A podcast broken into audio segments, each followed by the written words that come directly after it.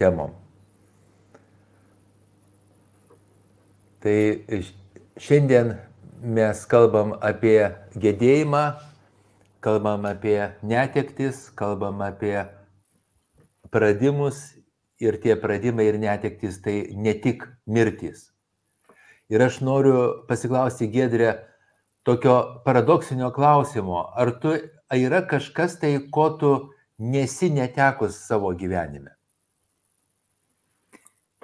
Labas vakaras visiems ir viena vertus norisi atsakyti, kad e, esu, e, kad yra dalykų, kurių, kurių nesu praradusi, bet e, kita vertus e, esu praradus tų dalykų įvairiausius aspektus, ar ne? Tai kas man ateina į galvą, nesu praradus savo gyvybės, nesu praradus savo kūno, savo proto, bet esu praradus kažkokius to aspektus, ar ne, kažkokios savo gyvenimo dalies jau nebeturiu. Jau praėjo jinai, nesu praradus savo tėvų, bet irgi esu praradus juos jaunus, jie jau yra garbingo gana amžiaus, tai tam tikra prasme suprantu, ką tu, ką tu sakai, kad nėra dalykų, kurių nebūtume praradę arba bent jau kažkurių aspektų to nebūtume praradę. Būtent, būtent ir mano nuomonė, ir vis daugiau aš suprantu tai ir iš savo patirties, ir iš klientų patirties, kad visas gyvenimas yra vieni praradimai ir vieni atradimai. Ir, ir jeigu nebūtų pradimų, nebūtų vietos atradimams. Ir jau kalbant apie mirtį, man labai patinka mintis apie mirties stadijas arba, arba etapus į mirtį ėjimo. Tai pirmas žingsnis eiti į mirtį yra gimimas. Ir būtent jau kai mes gimstam, mes iš karto užsiprogramuojam mirti. Ypatingai jau kalbam apie, apie kūną, tai visi, kurie turi kūną, visi mirs ir tas kūnas žus. Ir, ir tai yra pirmas žingsnis. Antras žingsnis yra lygos. Ir net lygos ankstyvame amžiuje. Nes, pažiūrėjau, jeigu mes sergam, kad ir kokiu nors gripu, ar, ar kažkuo, tai mes tarsi irgi netenkam galių, netenkam kontrolės ir tarsi šiek tiek patiriam tą mirties perartėjimą, net ir jaunam amžiui, kai mes sirgam. Trečias žingsnis yra sen, amžėjimas arba senėjimas. Ir po tam tikro laiko mes vis labiau pajaučiam, kad mes kažką tai vis prarandam. Kažką tai. Ir, ir tik tai paskui ateina mirtis. Tai pati pas, pasaulis mus tarsi ruošia tam išėjimui, ruošia atsisveikinimui. Tai, tai va, tas yra svarbu ir tie žmonės, kurie mano, kad apie tai nereikia galvoti, apie tai nereikia kalbėti, mano manimu, jie labai klysta. Tai kas grėsia mums, gedrė, jeigu mes norim tarsi neikti tuos praradimus, netektis, tarsi atsisakyti gedėti ir nuolat švesti gyvenimą ir, ir nuolat kažkaip tai bandyti džiaugtis ir pramogauti, kas, kas, kas tiem žmonėm grėsia, kuo tai jiem baigėsi. Na gal sunku pasakyti apie konkretų žmogų, bet šiaip bendrai tai tikrai mūsų kultūra e, jau keletą šimtmečių e, propaguoja tą, kaip tu sakai, gyvenimo šventimą ir mirties neįgymą. Ir e, tarkim, vienas iš tokių labai paprastų pavyzdžių, kad viduramžiais, atsiprašau, čia mano šuniukas irgi dalyvauja, E, viduramžiais daugelį namų virš durų kabėdavo kaukolė kaip priminimas, kad e, mes visi mirsim, ar ne? Ir tie visi pasakymai nuo antikos laikų atmink, kad mir, e, mirsime mento more. Tai žmonės savo tą stengdavosi priminti, ne, kad ir galbūt čia ir, ir kažkokie religiniai viduramžiais, religiniai sumetimai tame dalyvavo, tarsi galbūt kažkokią dar kitą funkciją ta kaukolė atlikdavo, bet šiaip jau tas priminimas savo, kad mes galim nepamiršti, kad mirsim, egzistuodavo, o dabar labai daug egzistuoja to, kas mums tarsi nori sudaryti iliuziją, kad to nebus. Ir mhm. kartais e, aš matau, kaip žmonės tai užklumpa, sakykime, ar jų pačių lyga, ar, ar kažkokio artimo žmogaus netektis, e, užklumpa ne tik tai kaip didelis skausmas, nes natūralu, kad tai yra didelis skausmas, bet kaip e, labai didelė neteisybė. Kodėl man taip įvyko, net tarsi man kažkas buvo uh, E, mūsų psichika tai būna supratus, kad kažkas man pažadėjo, kad aš to nepatirsiu. Taip. Na ir, ir šitas labai apsunkina gedėjimą, jeigu šalia to, kad man skauda, kad taip įvyko, dar aš pykstu stipriai ir patiriu tą neteisybės jausmą, ta, kodėl man taip įvyko, arba kodėl man, ar ne, kaip, kaip kartais uh, E, kiti žmonės pratęsia, o tai ką turėjo kažkam kitam, ar ne, turėjo tavo kaimynui Jonui nutikti, o ne tau ta lyga ar, ar ta netektis. Bet taip, taip mes galvojam ir, ir galvojam dėl to, kad e, mus taip tarsi skatina galvoti, ar ne, negalvoti apie mirtį, apie lygas ir, ir panašiai. Ir, ir tada mes pradedam galvoti, kad mes nusipelnom visko, kas yra gera ne, ir nenusipelnom skausmo, nenusipelnom netekčių, tarsi, kaip, kaip sako vienas e, autorius tyrinėjantis, dabar aš užmiršau jo pavardę, bet pasitikrinsiu ir paskui pasakysiu, e, tyrinėjantis mūsų santykių su gedėjimu, kad mes esam didelę dalim e, praradę gebėjimą priimti gyvenimą su jo sąlygomis Mes norim kelti gyvenimui savo sąlygas, ne, kad jis privalo būti toks ar, ar kitoks. Ir dėja tai neveikia ir anksčiau ar vėliau mes susidurėm su tuo, kad šita idėja, kad mes galim kelti gyvenimui sąlygas, iš esmės yra klaidinga. Mhm. Tu, tu labai gražiai paaiškinai, kas grėsia žmonėm, jeigu jie nesiuošia mirčiai ir, ir tai yra tai, kad jį užklumpa juos netikėtai. O tai reiškia, kad jie miršta nepasiruošę, gali būti, kad jie miršta netlikę kažką tai, kas yra labai svarbu, miršta palikdami po savęs tokias uodegas, kaip pavyzdžiui gali būti barniai artimųjų ir mes žinom, kad daug istorijų yra, kad po vieno žmogaus mirties susipyksta šeimos ir visiškai susipyksta. Taip. E, neišreiškia savo valios, nesusitaikę, nepaprašę atleidimo, neatleidę patys. Ir tai labai labai neigiamai veikia ne tik tų žmonių gyvenimą, bet ir, bet ir aplinkį esančių žmonių gyvenimą. Ir mes bijom kalbėti apie mirtį daugelį žmonių dėl to, kad mano, kad kai mes kalbėsim apie mirtį, tai priartinsim tą mirtį. Čia yra mąstymo klaida.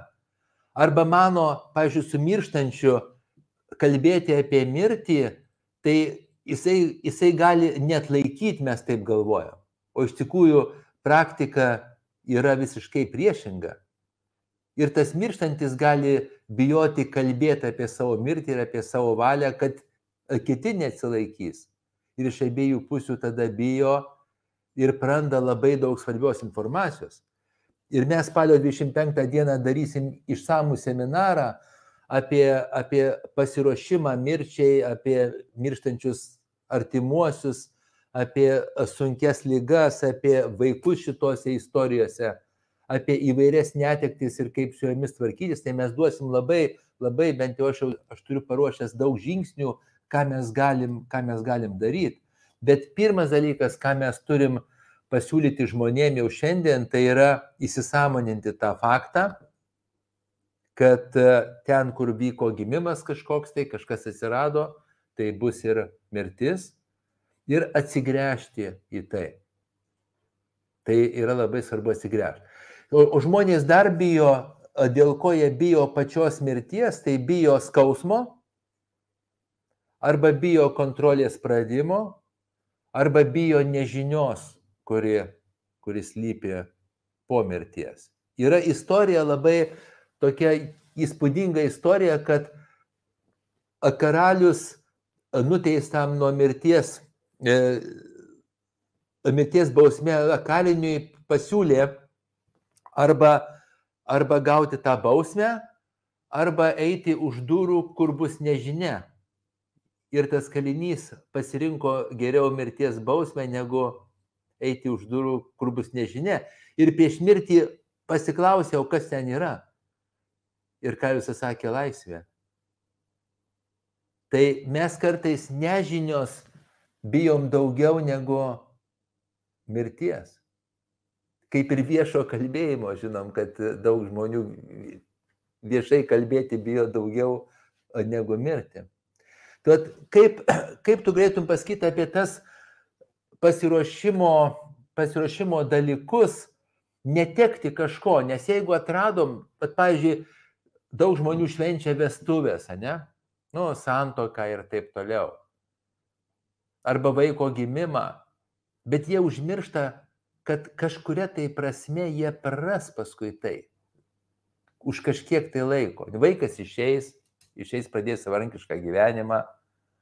Santokoje vienas iš, vienas iš santokos narių praras kitą po kažkiek tai laiko. Arba net ir gana greitai gali būti. Arba vienu būdu praras, arba kitų būdu, būdu praras. Tai vad ką tu pasiūlytum žmonėm, tiems, kurie nori išmintingai gyvent, matant visas gyvenimo aspektus visus. Man kažkaip atrodo, kad e, turbūt geriausias pasiruošimas mirčiai yra gyventi šiandien taip, kaip man atrodo prasminga ir taip, kaip aš iš tikrųjų noriu. Ir tai yra tikrai e, sudėtinga užduotis, nes e, mes daugelis esam įpratę e, ir išmokyti galvoti apie tai, kas ką pagalvos, kas kokį statusą mums duos, kas ko iš mūsų tikisi, kaip apsisaugoti nuo atstumimo, kritikos ar dar kažko. Tai kitaip sakant, kaip saugotis. Mes labai daug žmonių labai daug investuoja savo resursų ir laiko į kažkokį saugojimąsi bet saugojimasis ir gyvenimas ne tas pats.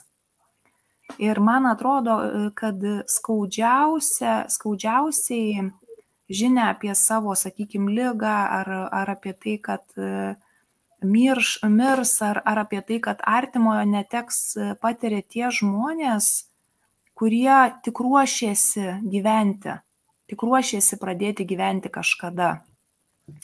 Tik ruošiasi iš tikrųjų, nežinau, atsiverti santykiui, tik ruošiasi iš tikrųjų savo širdį atverti savo artimam žmogui.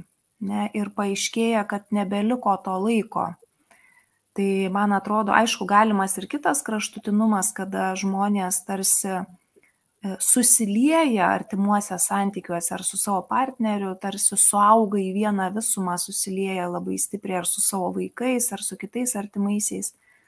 Ir tada irgi e, tos netektys būna labai gniuždančios ir, ir tarsi tas žmogus, kuris lieka vienas, patyręs netektį, kurį laiką galvoja, kad ne, nebeliko gyvenimo prasmės apskritai sunku atgauti tarsi save, suvokti save kaip, kaip atskirą nuo, nuo to išėjusio žmogaus.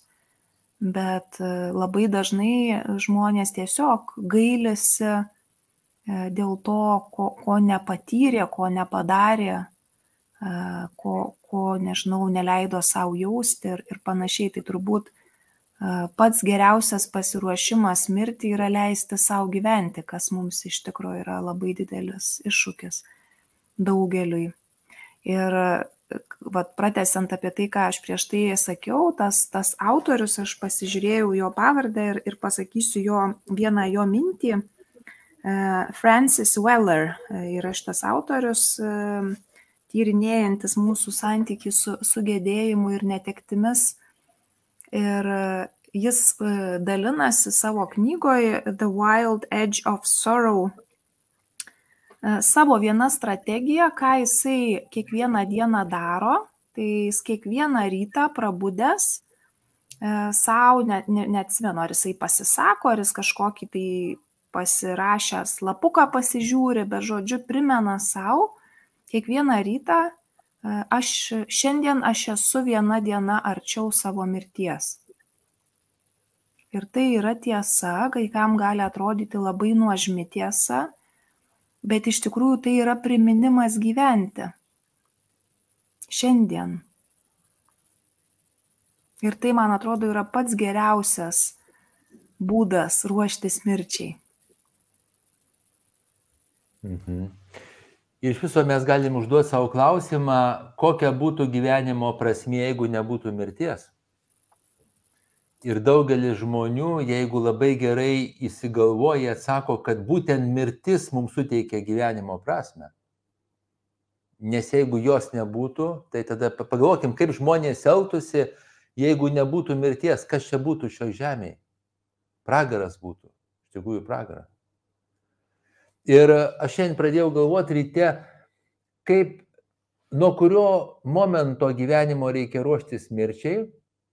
Ir aš atsakiau savo į tą klausimą, kad nuo brandos momento, kad iki brandos momento, praeidami vaikystę ir paauglystę, mes turim ruoštis brandai, bet kai sulaukiam brandos, tai yra, nežinau, 25 metai, 20, 22, 23, priklausomai, kai užsibaigia mūsų paauglystė, ir mes perinam į jauno suaugusio amžių, mes turim ruoštis mirčiai ir ruoštis dėl vieno paprasto dalyko. Man truputį norisi pataisyti tai, kad tu sakai gyventi, man norisi pataisyti prasmingai gyventi. Čia labai svarbus dalykas, ne, ne aplamai gyventi tenais kažkaip hedonistiškai, destruktyviai ir, ir tą žmonės labai gerai moka daryti, bet prasmingai gyventi. Nes jeigu mes nuo 20 metų pradėsim ruoštis miršiai, tai tą 60 metų, va dabar vidutinis amžius maždaug 80 metų, ypatingai moterų, tai tą 60 metų mes pragyvensim tikrai ženkliai prasmingiau. Ir tada mes tarsi įdėsim kuoliukus. Vat man labai patinka tai, ką tu sakai, aš šiandien kiekvieną dieną arčiau mirties, bet Jonas Paulius antrasis kasmet rašydavo, matau, dvasinį testamentą. Tai yra kažkokį tai liktai įsisamonimą, kad aš mirsiu ir liktai norą kažkokį tai kažką palikti po savęs. Nes tai irgi, irgi prasminga labai palikti po savęs. Tai, tai mes turim ruoštis mirčiai ne dėl to, kad pasiruoštumėm rūbus ar tenais, ar tenais vietą, bet dėl to, kad prasmingai gyventume. Aš taip matau. Aš taip matau ruošimąsi mirčiai. Ir kad labai svarbu, bet tas labai svarbu tas momentas, kad nepaliktumėm kažko tai, kas paskui mums sukels labai skausmo daug, kad mes nepadarėm. Kaip sakau, nepasakėm kažkam tai kažko tai, kažkokių meilės žodžių, neatsiprašėm, neatleidom, neprašėm atleidimo, neįsakėm, kad mylim, ne, nepa, nepasiūlėm kažkam tai kažko. Labai svarbu savęs pasiklausti, ką mes norime padaryti prieš mirtį ir kuo anksčiau daryti tai, nes jinai gali ateiti bet kuriuo momentu.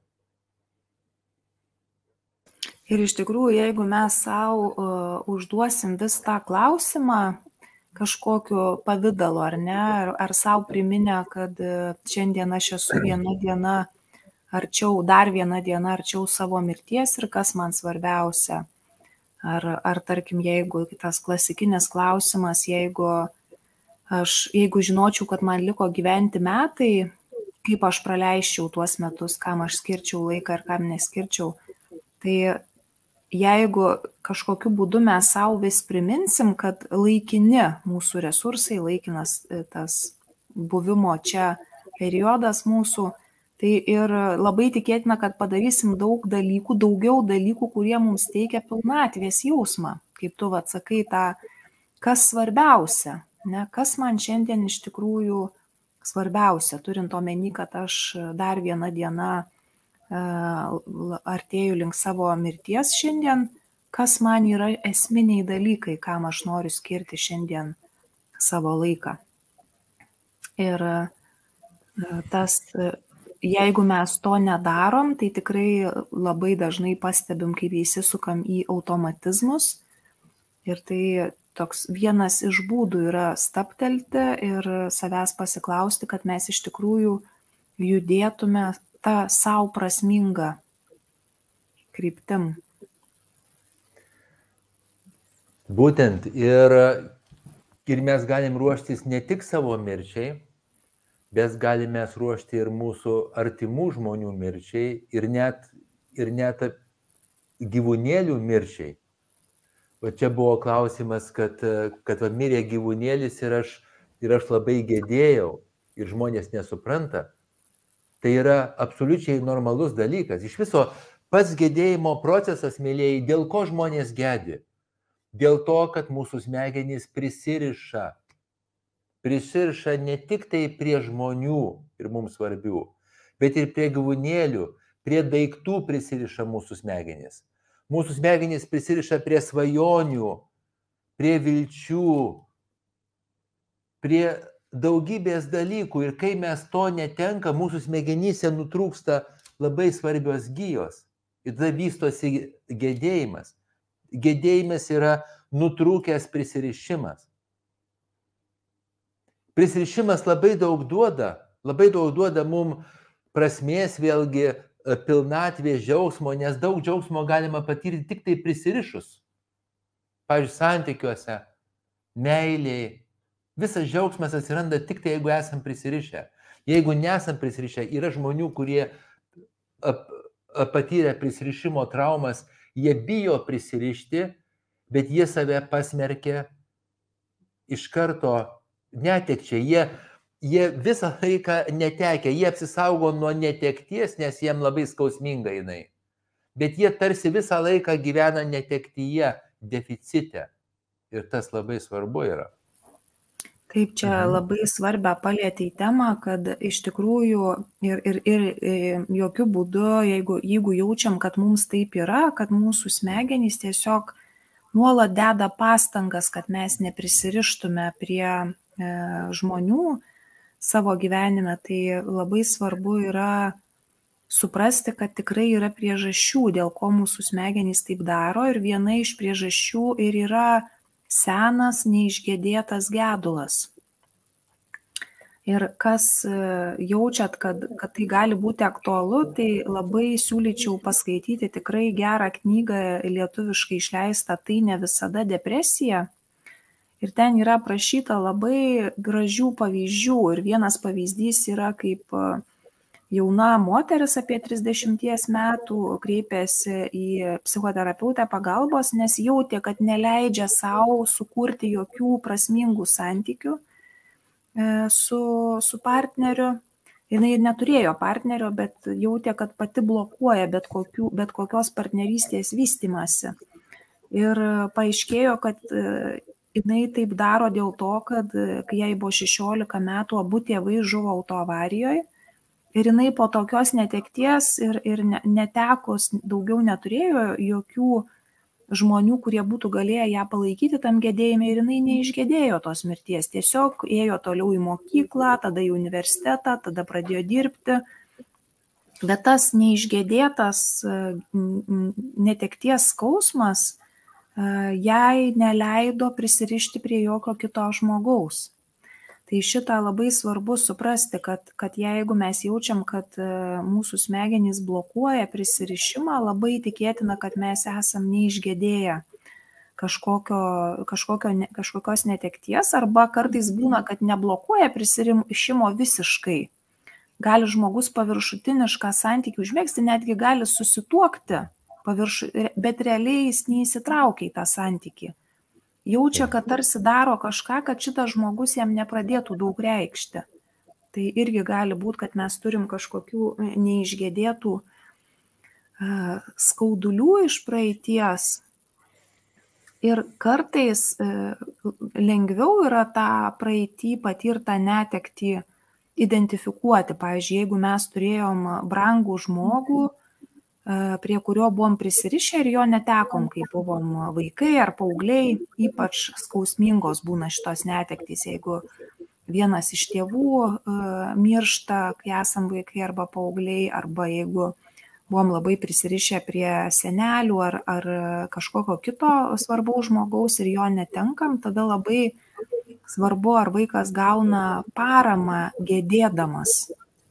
Nes vaikui vienam labai labai sudėtinga yra išgėdėti, beveik neįmanoma.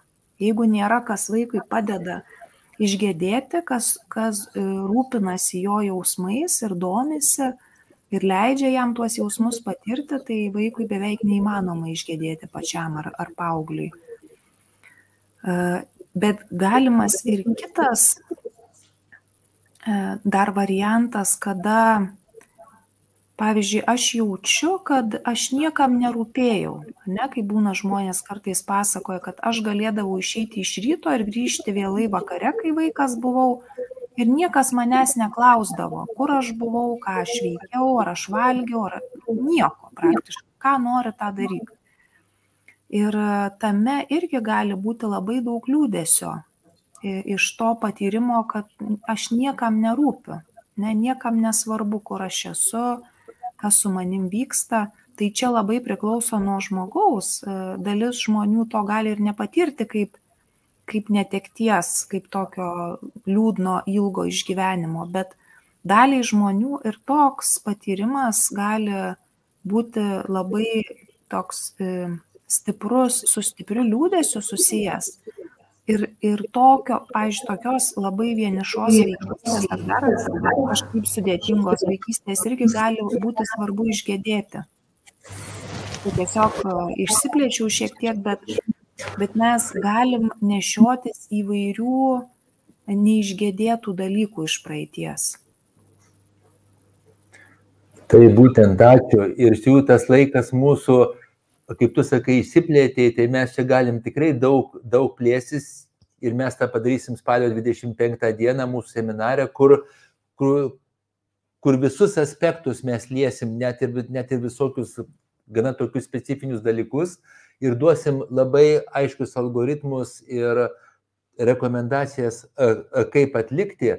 Bet šiandien aš noriu tiesiog labai aiškiai užakcentuoti ir tu apie tai aš neki labai aiškiai, kad gedėjimas yra labai svarbi mūsų gyvenimo dalis ir mes galim daryti tai, mes turim teisę ir net mums reikia daryti tai, jeigu mes norim po to gyventi pilnavertišką gyvenimą, jau kitam santykėje su savo pradimu.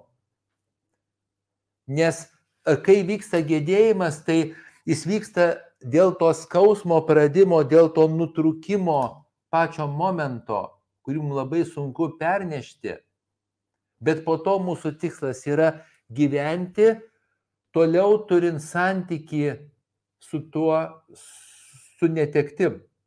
Tai jeigu mes prarandam artimą žmogų arba gyvūnėlį, tai visiškai nereiškia, kad mes prarandam santyki su juo.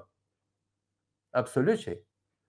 Mes tą santykį galim e, turėti visą savo gyvenimą ir aš net siūlau turėti tą santykį, tik tai kitokį santykį.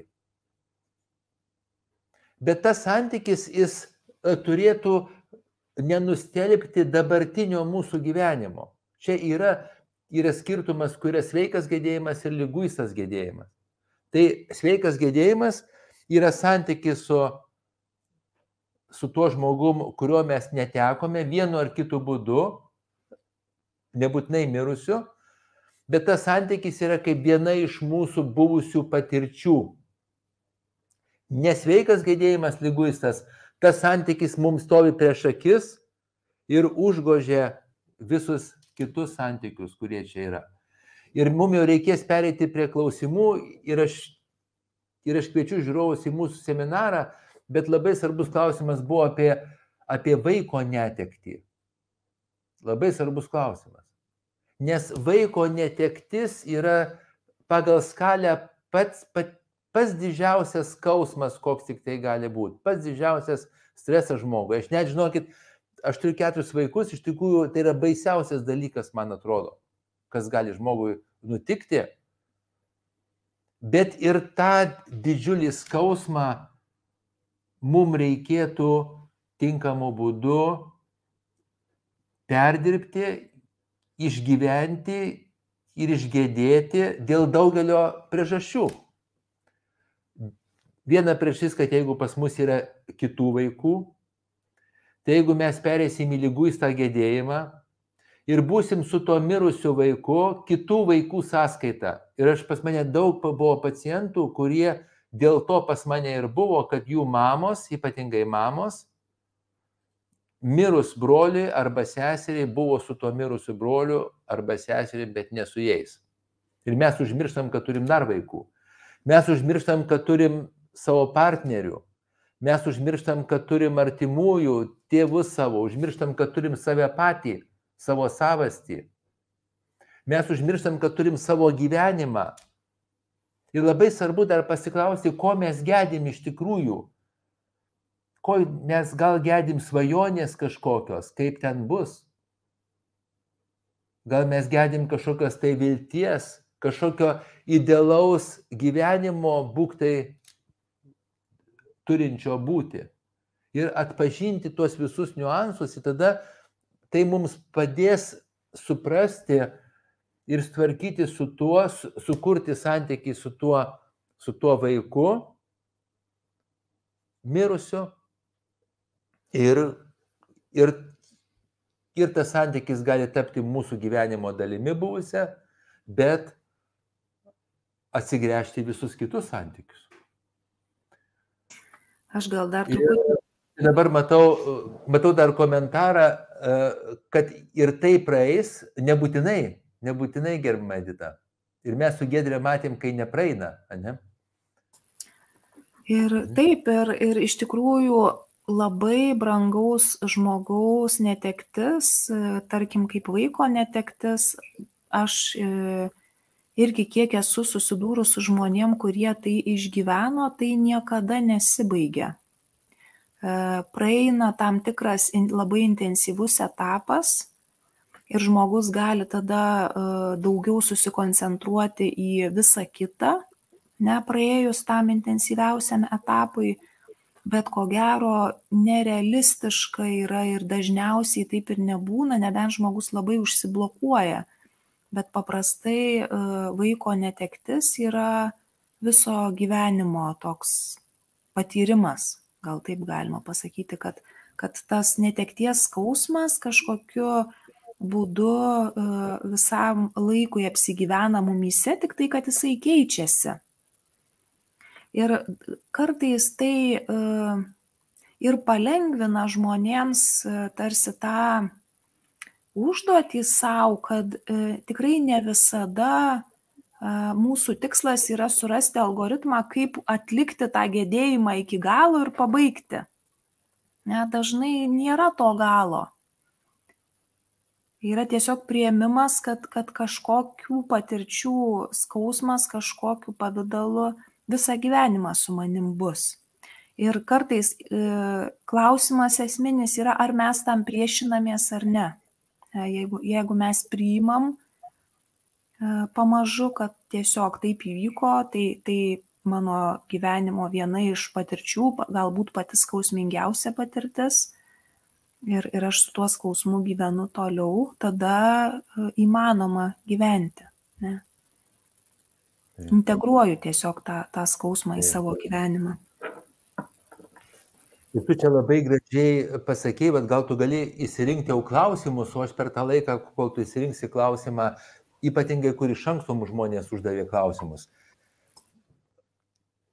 Labai gražiai pasakė Giedrė, kad tai yra gyvenimo patyrimas ir gyvenimo patirtis ir tas sveikas gedėjimas, gedėjimas ir yra padarimas šitos patirties kaip patirties, kaip vienos iš patirčių gyvenimo. Ir tos visos patirtys mus augina ir visos patirtys mus brandina ir iki pačios paskutinės akimirkos tai vyksta. Tai yra sveiko gedėjimo rezultatas yra priimti tai kaip gyvenimo patirtį ir gyventi su tuo prisitaikius ir tapti, ir tapti stipresniais dėl to. Ir gal mes galim pereiti prie klausimų, nes, nes buvo labai svarbių klausimų mums prieš, prieš mūsų renginį užduotų ir dabar žmonės klausia. Tai aš nežinau, mes į visus, į visus niekaip nespėsim atsakyti, mes kviečiam į seminarą, bet stenkimės tiek, kiek galim. Mhm. Taip? Taip, tai aš gal atsakysiu į pirmą klausimą, taip kaip man ateina į galvą ir gal dar tu kažką pridėsi kaip gyventi po artimo žmogaus netekties ir nesibaiminti ateities, kad pats susirgsi tokia lyga, kaip išgyventi atsiradusias baimės ne tik dėl savęs, bet ir dėl vaikų. Tai aš pasakysiu tai, kas, ką aš dažniausiai matau iš savo patirties, kad e, dažnai baimės, kad ir man taip atsitiks, ar, ar ir, ir aš galiu susirgti, ir mano vaikai gali susirgti, yra susijusios su tuo, kad mes e, tos netekties neišgėdėjom iš tikrųjų. E, ir aš tiesiog e, priminsiu, mes jau esam kitoj, kitam įrašė vaizdo kalbėję apie tai, kad kai, kai vyksta netektis, mums yra tos e, gedėjimo stadijos arba dar kitas autorius Vordenas išskiria mm, e, gedėjimo užduotis, kai mes e, patiriam netikti. Tai yra keturios gedėjimo užduotys ir paprastai, jeigu mes iš tikrųjų atliekam tas gedėjimo užduotis, įvyksta visokiojopas sustaikymas ir su tuo, kad aš netekau šito žmogaus, ir su tuo, kad mes visi esame mirtingi, ir su tuo, kad ir aš nuo kažko mirsiu, ir su tuo, kad mano vaikai nuo kažko mirs kažkada, ar ne? E, tai tos užduotys yra e, įsisamoninti netekties realybę, įsisamoninti, kad tikrai šitas žmogus išėjo, mirė, e, išgyventi netekties skausmą ir daug žmonių pastringa šitame etape. Mes įsisamoninam galvoje kognityviškai realybę netekties, bet dažnai neišgyvenam netekties skausmo, jeigu neturim palaikymo jį išgyventi ir ypač jeigu tai buvo tikrai mums svarbus žmogus. Kitas e, žingsnis, kitas darbas yra prisitaikyti prie gyvenimo, kuriame mirusiojo jau nebėra. Ir paskutinė užduotis - sukurti naują kitokį ryšį su mirusiuoju. Ne, jeigu tai mums buvo svarbus žmogus, tai kaip Julius sakė, su to žmogaus mirtimi santykiai nesibaigia. Ir galima savęs pasiklausti, ar aš leidau savo išgyventi netekties skausmą, ar buvo sąlygos tam, ar aš galėjau, ar, ar tai įvyko. Ir ar aš sukūriau tą kitokį ryšį su mirusiuoju. Nes labai tikėtina, kad jeigu persekioja baimės, kad kažkas iš šitų užduočių yra neatlikta ir kad mes priešinamės kažkam ne, ar, ar tam netekties skausmui, ar apskritai įsisamoninimui apie žmogaus mirtingumą. E, tai toks, toks būtų mano atsakymas. Pavyzdžiui, būna, kad, kad ateina moteris ir sako, kad mirė mano mama ir pradėjau labai labai bijoti dėl vaiko, ne, o jeigu ir vaiko neteksiu. Tai labai dažnai, jeigu bijau kitos netekties ar savo gyvybės netekti ar savo vaiko, tikėtina, kad tos pradinės netekties neišgyvenau. Mhm. Ir aš noriu pridėti, nes, nes žmogus klausė apie lygas ir greičiausiai kažkokią genetinę lygą. Tai aš tiesiog noriu pridėti, kad, kad labai svarbu nemirti daug laiko iki savo mirties. Nes, Nes jeigu mes nueisim į labai dėlę baimę, į, į gedėjimą to, kas gali įvykti kažkada, tai ir neaišku, už kiek laiko ir taip toliau, mes jau dabar neteksim savo gyvenimo. Gyvenimo prasme netrukmėje, mėlyjeji, o gyvenimo prasme yra pilnatvėje. Visiškai neaišku, ar vystysis tai mums, o tuo labiau mūsų vaikams. Mes galim žūti, yra daugybė priežasčių mirti iki to, o ypatingai mūsų vaikams. Iš viso neaišku, kur pasaulis eina. Tai labai svarbu stelkti tai, ką mes turim, o ne tai, ko neturim arba galim netekti. Šiuo atveju. Tai medicina labai vystosi, labai stipriai vystosi, vis daugiau galima nustatyti iš anksto, pavyzdžiui, ar Parkinsono lyga bus, ar demencija, ar dar kažkokie dalykai. Ir mes galėsim ruoštis ir, ir medicinos vystimasis ir gydimo galimybės didins. Tai labai svarbu ypatingai vaikų neišgazinti, kad jie auktų su stigma, kad tu esi pasmerktas. Tai vaikas ir jausis pasmerktas. Jokių būdų nedarykim šito mėlyjei. Jokių būdų.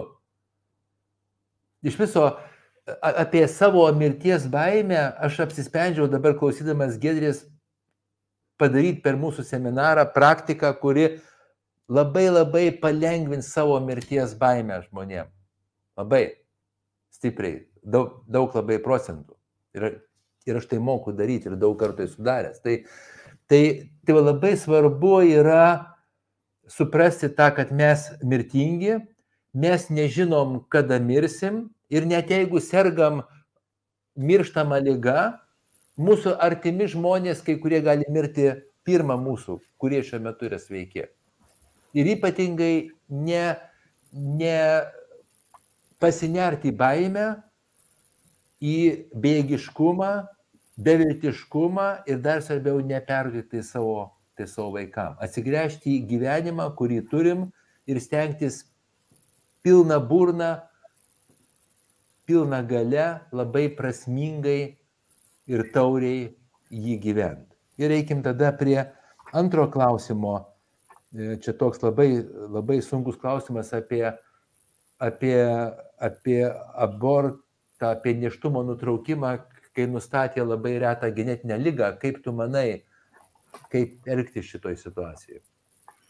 Aš manau, kad e, čia irgi ir klausimas yra, kaip, kaip susitaikyti su tuo E, padarytų sprendimu nutraukti neštumą ir, ir man atrodo, kad į daugelį, daugelį klausimų, aš irgi atsakysiu tuo į dar vieną klausimą, e, ir man atrodo, kad į daugelį čia e, klausimų atsakymas yra panašus, tai visų pirma leisti savo liūdėti.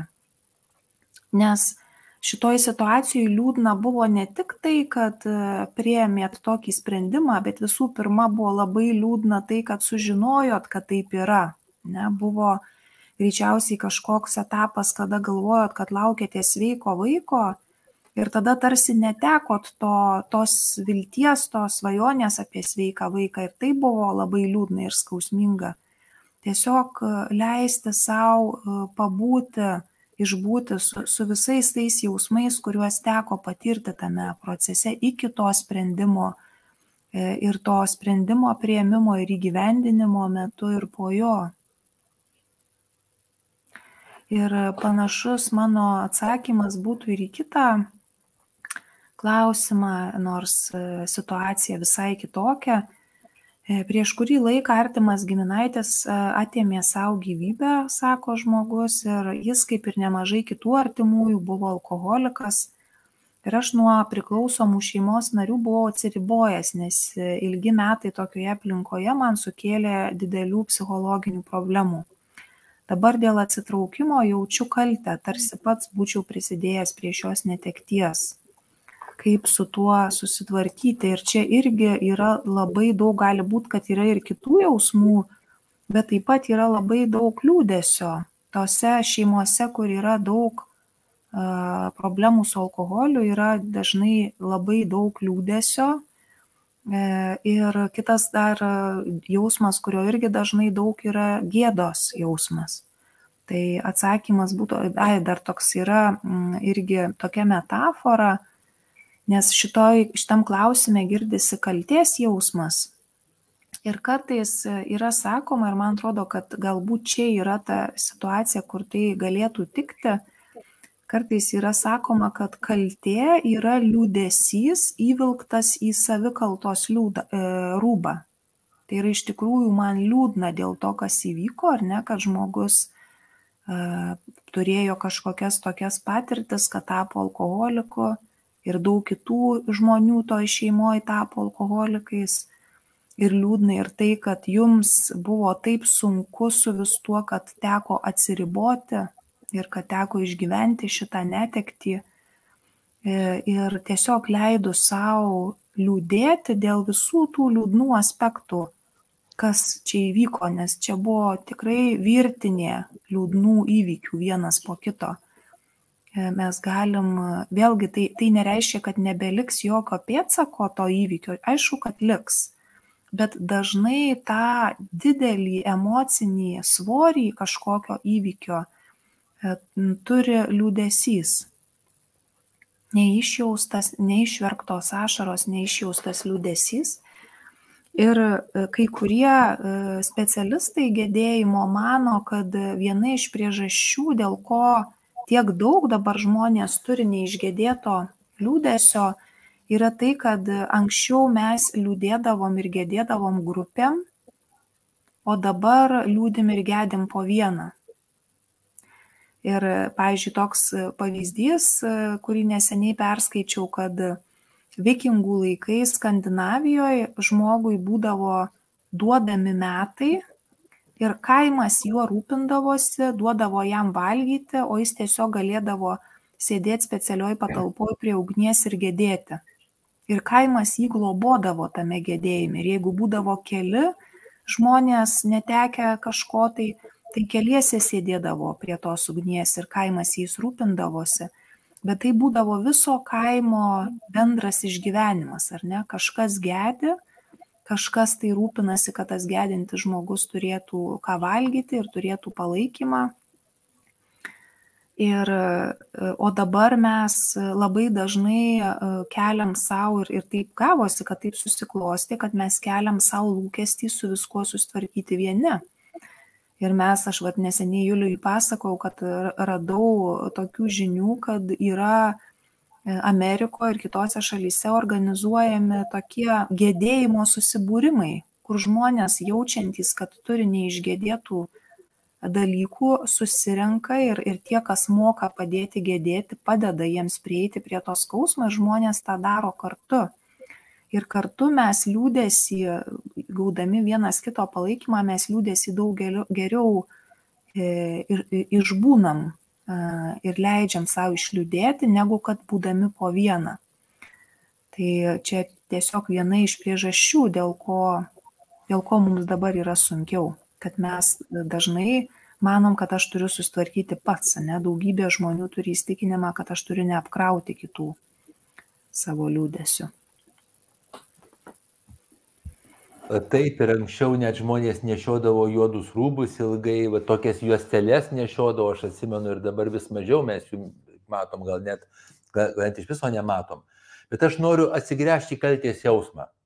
Ir prieš tai buvusio klausimo ir šito klausimo metu. Tai jeigu mes labai jaučiam kalties jausmą, aš pasakysiu dabar stipriai. Tai mes truputį esam puikybei galbūt dėl savo visagališkumo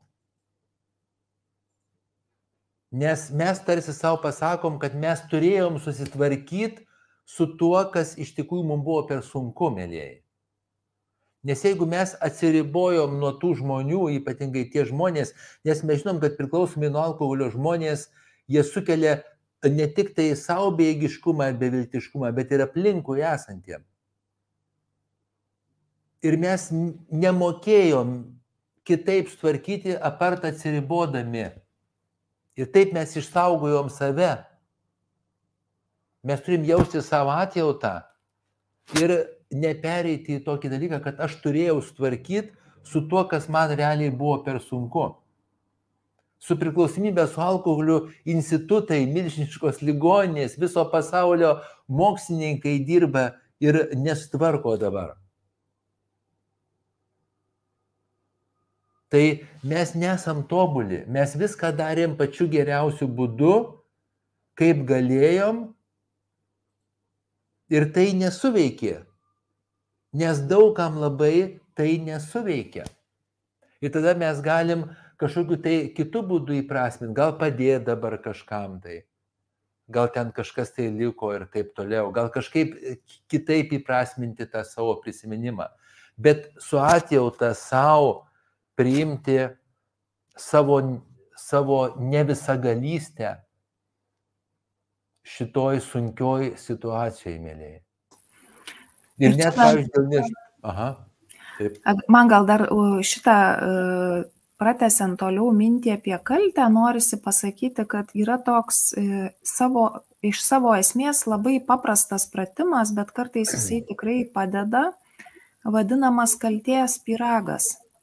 Ir jeigu aš jaučiuosi kaltas ar kalta, pavyzdžiui, kad, kad mano artimasis e, nusižudė, galiu savęs paklausti, kiek procentų aš jaučiuosi dėl to atsakingas ir grinai koks jausmas kyla, ar ne, pavyzdžiui, kad man atrodo, nežinau, kad aš 70 procentų atsakingas, ar ten 60 ar 80, dėl to, kad tas žmogus nusižudė.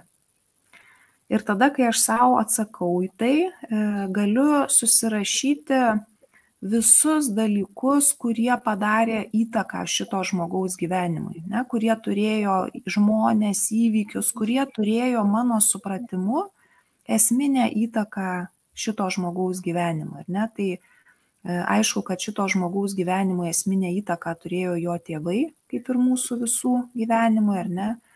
E, to žmogaus gyvenimo esminę įtaką turėjo genai, kurie jam teko tada buvo kažkokios raktinės patirtys, kurias jisai turėjo, tada buvo kažkokie jo pasirinkimai, kuriuos jisai darė, galbūt rinkosi gyvenimo partnerį, dar kažkokius pasirinkimus. Ir tada mes pamatom visą visumą, ne, kokia čia mūsų dalelė yra toj visoj faktorių jūroj, kurie nulėmė, kaip klostėsi šito žmogaus gyvenimas ir, ir kaip jis baigėsi ir jokių būdų nepamirškime aukštesnių jėgų ir pasaulio dėsnių.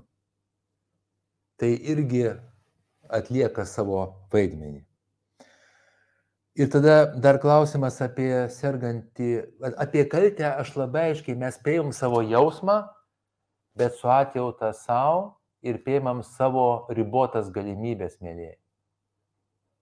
Net jeigu mes piktybiškai kažką tai darėm, tai irgi darėm pagal tam tikrą logiką. Net patys baisiausi pasaulio žmonės, patys baisiausi piktavaliai, piktadariai, jums gali nepatikti, galite dėti man ten piktus veidukus, bet aš nesakysiu savo žodžių, kad patys baisiausi pasaulio piktadariai turėjo savo istoriją, turėjo savo logiką, dėl ko jie taip darė jie yra tam tikri gėlės, galite pažiūrėti įrašą, įrašą žmogus kaip gėlė ir ta logika juos atvedė prie tų veiksmų. Tai bet kokį veiksmą, ką mes padarėm, mes padarėm dėl to, kad buvo pas mus tokios mintys, tokios emocijos, tokie kūno pojūčiai, toks elgesys ir toks žinojimas ir toks mokėjimas.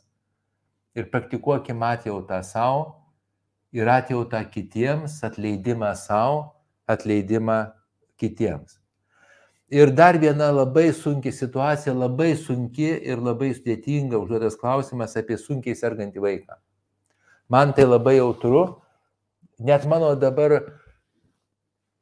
duktė viena jau trečią savaitę kosi ir serga, čia mes darėme visokius tyrimus ir tai susiaktyvina man šitie visi dalykai. Ir šiandien darėme daug tyrimų, visokių sėtingų, Tai yra labai, vėlgi labai sunki situacija, sunkiai sergantis vaikas, nes mes prisimam atsakomybę už jį. Ir tada mes pajuntam labai, labai dėlį bėgiškumą, kai mes negalim padėti ir negalim sutvarkyti to labai greitai ir labai veiksmingai. Tai vėlgi, ką aš siūlau, tai tiesiog rūpintis to vaiku tiek, kiek galim, reikšti ją meilę tiek, kiek galim, tiek, kiek mokam, užtikrinti jo komfortą tiek, kiek galim ir jausti atjautą jam ir atjautą savo ir nepamiršti pasirūpinti, pasirūpinti savimi. Nes kai mes išeisim, išeisim iš savęs, mes perėsim į kažkokią tai lyguistą būseną, mūsų vaikui bus blogai. Mes turim atrasti balansą tarp savo psichologinės būsenos ir vaiko. Vaikas, kad ir kaip jisai sunkiai serga, jisai nori turėti sveiką mamą, ta prasme psichologiškai sveiką, besirūpinančią, išbūnančią mamą arba tėtį. Tai jam labai svarbu.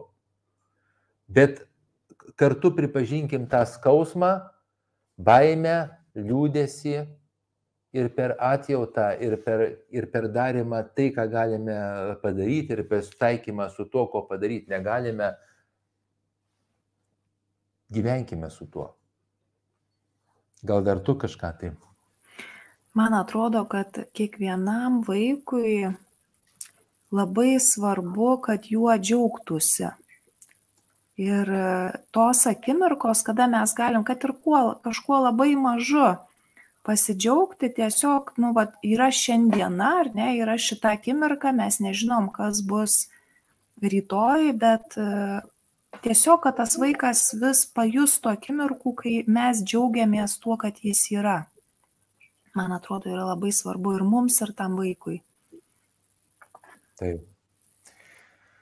Ir tada dar kokį nors klausimą, Gedrė, gal paimtum iš to, kur buvo, gal pas tavai yra, ar, ar Aš gal paimsiu Janinos klausimą, kiek laiko yra norma gedėti ir kodėl kartais gedėjimas užplūsta tik po tam tikro laiko, net po keliarių metų. Tai apie normą, kiek aš esu mačius ir, ir aš iš savo vaikystės atsimenu, kler būdavo natūralu tarsi ir gedėti ir tuos pačius vat, juodus drabužius, kuriuos tu jau minėjai nešioti metus po tokio labai svarbaus žmogaus mirties. Ir, ir daugelį tradicijų, kultūrų yra šitas laikas, kad maždaug metai tam skirti, net ir tuose pačiuose vikingų kaimuose irgi orientaciniai apie metus būdavo įprasta rūpintis tuo žmogum, nesitikint, netekusiu artimojo, nesitikint, kad tas žmogus darys įprastus darbus ir, ir gyvens įprastą gyvenimą. Tai čia toks labai orientacinis laikas, nes tikrai kiekvienam yra individualu, bet maždaug. O kalbant apie tai, kodėl kartais gedėjimas pasijunta tik tai po kelių metų, kartais gali ir, ir po 20 metų jisai pasijausti, tai tiesiog jeigu mes jaučiam, kad nėra sąlygų gedėti, mes negėdim. Ne, jeigu, jeigu nėra palaikymo, jeigu nėra tam erdvės, jeigu yra labai didelis spaudimas, pavyzdžiui, kažką tai greitai susimti ir daryti, tai jeigu žmogus tik pajėgia, jis tą ir daro.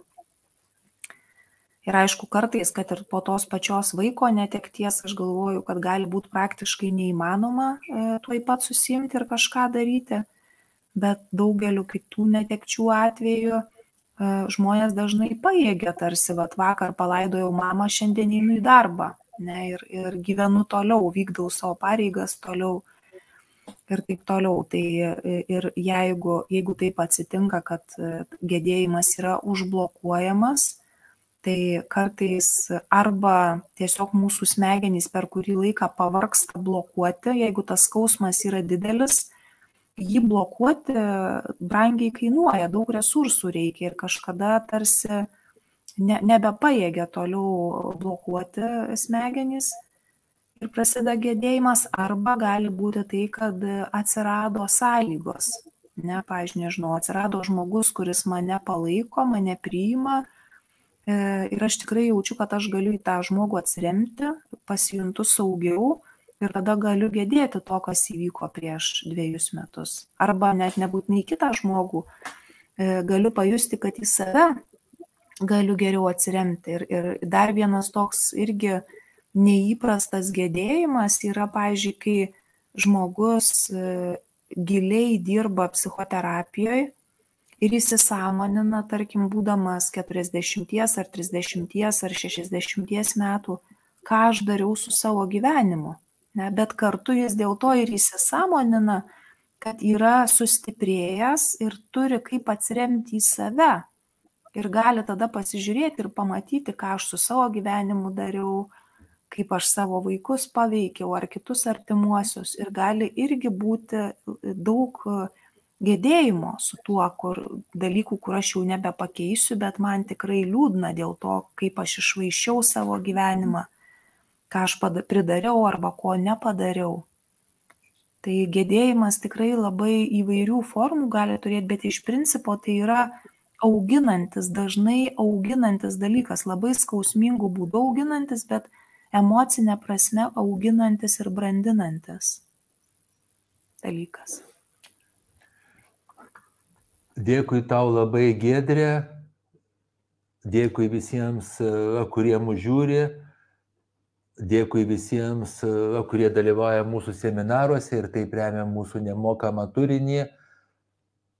Dėkui jums, brangieji, ir, ir mes linkim jums visko geriausio, mes linkim rūpintis savimi, artimaisiais ir pats svarbiausia rūpintis savo gyvenimu, net ir žinant, kad jisai be jokios abejonės baigsis. Ir tai, tai yra žinant, kad jisai be jokios abejonės baigsis. Tai ačiū Jums ir iki. Ačiū iki.